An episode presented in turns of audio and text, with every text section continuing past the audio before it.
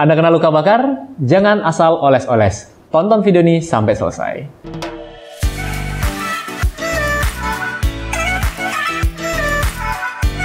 Sobat Sehat, video kali ini saya akan bahas mengenai luka bakar. Ya, jadi kalau kita bicara luka bakar, saya rasa setiap orang pasti pernah mengalaminya. Ya, paling ringan luka bakar karena kena air panas mungkin, kecipratan minyak karena lagi goreng tempe, atau kena sunburn. Misalnya Anda berjemur di pantai, misalnya ke Bali, ya pulang-pulang merah-merah, kemudian besok kulitnya gosong. Oke, itu paling ringan sih ya. Jadi kalau kita bicara luka bakar, saya akan memberikan pengertian atau definisi yang mudah Anda pahami. Jadi uh, luka bakar ini merupakan kerusakan pada lapisan kulit diakibatkan karena terkena benda panas, termasuk air panas, kemudian uap yang panas ya.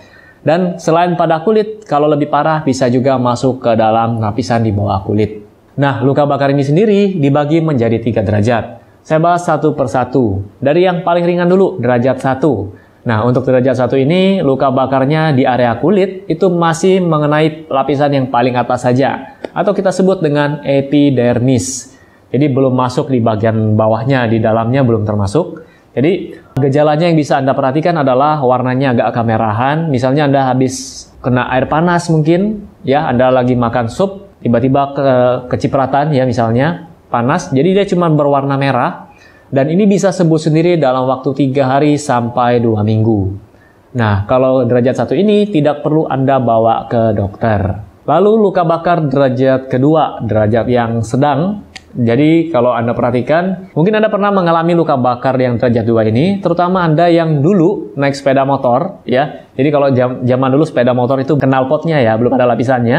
Biasanya kalau tertempel, kemudian muncul gelembung di situ ya yang berisi air di kulit Anda. Nah, itu sudah termasuk derajat yang kedua. Jadi dia akan lebih parah daripada derajat yang pertama. Nah, lalu apakah harus dibawa ke rumah sakit, Dok, kalau derajat 2? Ini tergantung luas areanya. Jadi kalau luas areanya cuma kecil, sebaiknya Anda rawat diri Anda di rumah sendiri ya. Jadi tonton video ini sampai selesai, nanti saya kasih bagaimana cara merawatnya. Kemudian kalau luas areanya besar, sebaiknya Anda bawa ke rumah sakit agar ditangani dengan baik. Oke? Okay?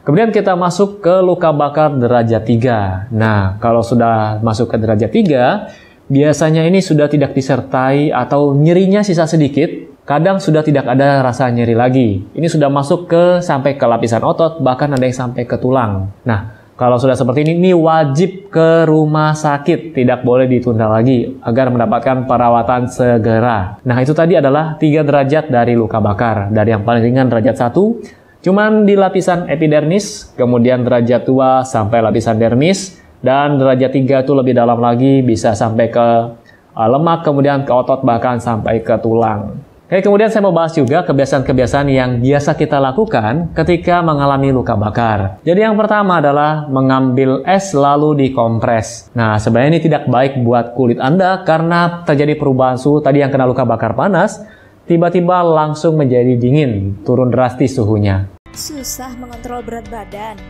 Bantu kontrol berat badan Anda dengan 2 saset raw meal per hari. Dapatkan produk originalnya hanya di boxsehat.com. Lalu yang kedua, kebiasaan yang kedua adalah mengoleskan luka bakar dengan pasta gigi agar tidak bertambah nyeri mungkin, tapi sebenarnya hal ini kurang tepat. Lalu yang ketiga, mengoleskan luka bakar dengan minyak goreng atau mentega. Nah, ini juga sebaiknya tidak Anda lakukan karena akan semakin sulit untuk membersihkan luka bakar Anda nantinya. Kemudian yang keempat, yang biasa dilakukan adalah mengoleskannya dengan tepung.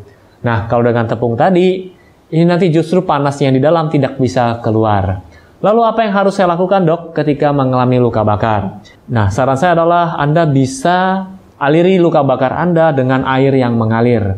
Jadi ini akan menurunkan suhunya pelan-pelan. Jadi kalau Anda menggunakan es batu tadi, itu suhunya akan turun dengan drastis. Jadi sebaiknya gunakan air keran ya, air bersih, air keran, air yang mengalir. Jadi jangan juga Anda rendam begitu aja. Jadi gunakan air yang mengalir itu akan jauh lebih baik. Jadi untuk yang pertama, menurunkan suhunya, kemudian yang kedua mengurangi terjadinya infeksi. Kemudian setelah itu Anda bisa memberikan salep, ya biasanya diberikan salep antibiotik atau Anda bisa berikan salep aloe vera ya. Ini dapat membantu mengurangi peradangan pada kulit Anda yang terbakar, yang kena luka bakar tadi. Nah, itu tadi bisa Anda lakukan di rumah kalau masih derajat 1 atau derajat 2 dengan luas area yang kecil.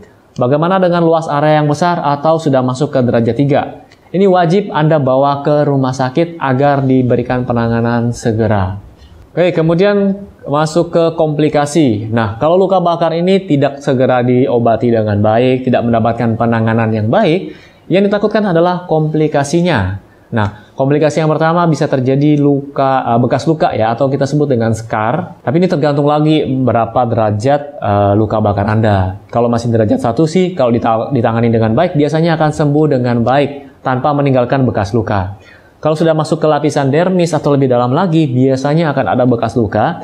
Tapi kalau ditangani dengan baik, bekas luka ini akan minimal. Nah, kurang lebih seperti itu.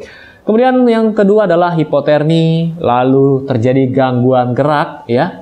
Jadi nanti otot misalnya luka bakarnya bagian lengan, tung, uh, ya bagian anggota gerak lengan. Kalau luka bakarnya tidak ditangani dengan baik, ini bisa terjadi kekakuan di sini ya. Kemudian infeksi. Nah, infeksi juga bisa terjadi karena sekali lagi kulit adalah lapisan paling luar dari tubuh kita yang melindungi tubuh kita dari infeksi. Jadi kalau dia sudah terbakar, rusak, akan mudah sekali terjadinya infeksi.